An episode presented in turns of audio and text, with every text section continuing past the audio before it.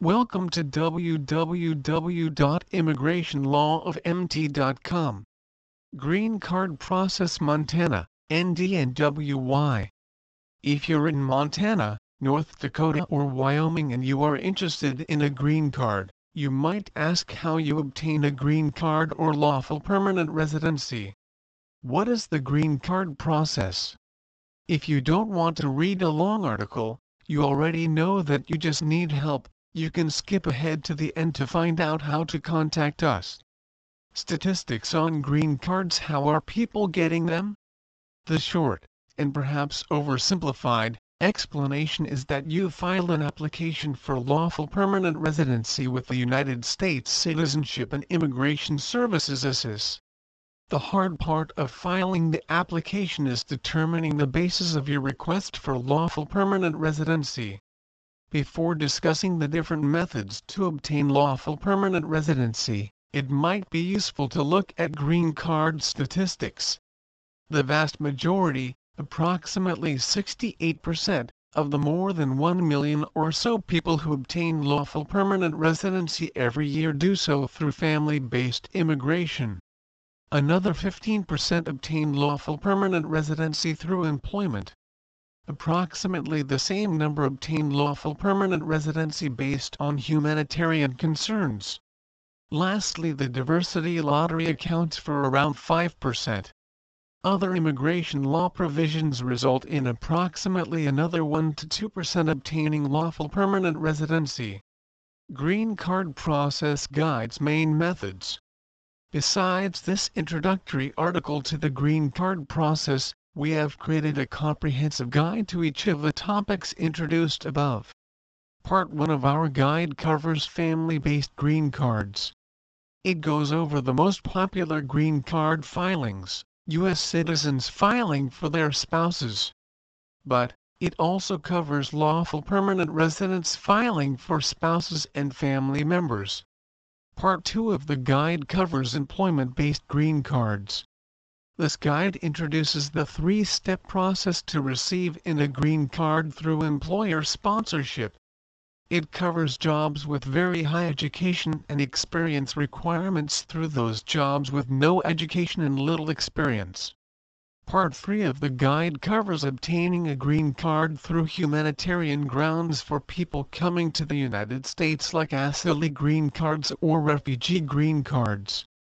Part 4 of the guide covers humanitarian provisions for those already present in the United States.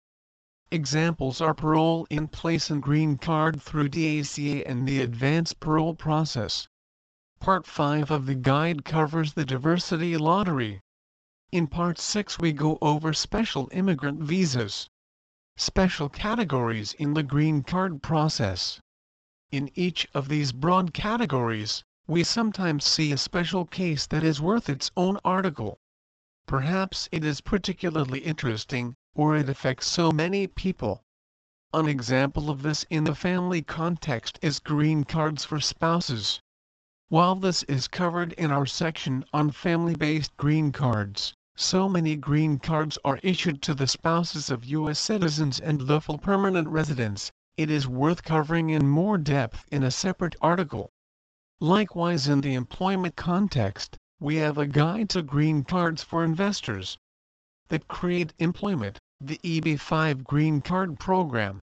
The EB-5 program has resulted in the creation of thousands of jobs in the United States and provided qualified investors and their families green card. Its importance as an immigration program warrants its own guide. Lastly, certain categories in immigration law provide green card status, but define category grouping. An example is the Jay Treaty's provision of green cards for American Indians. These special methods each get their own article. Green card related. Besides discussing how you can get a green card, we also have a section on renewing your green card.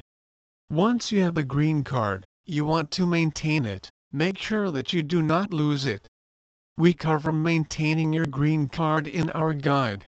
How do you get a green card adjustment of status and consular processing? Besides describing paths that you can use to get a green card, we also go over the two ways to actually receive a green card. If you're in the United States it is possible to get a green card through the adjustment of status process. In this process you go from being a non-immigrant to an immigrant. If you are outside of the United States, you can consular process for an immigrant visa. Once you use the immigrant visa to come to the United States and CBP admits you as an immigrant, you can apply for the green card. How we can help? If after reviewing this list of the routes to obtaining a green card, you believe that you qualify, Immigration Law of Montana, PC can assist you. We first help you understand the details of applying for lawful permanent residency next we prepare and file your application. After USCIS receives the application, we stay with you until it is approved. Please visit our site www.immigrationlawofmt.com for more information on green card process steps